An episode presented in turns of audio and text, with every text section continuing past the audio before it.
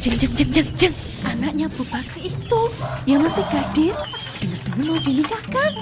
Loh, anaknya kan masih kecil toh, belum genap 19 tahun. Itulah Jeng, pasti ada papanya itu.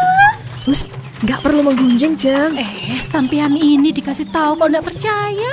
Ya udahlah, kita lihat aja nanti.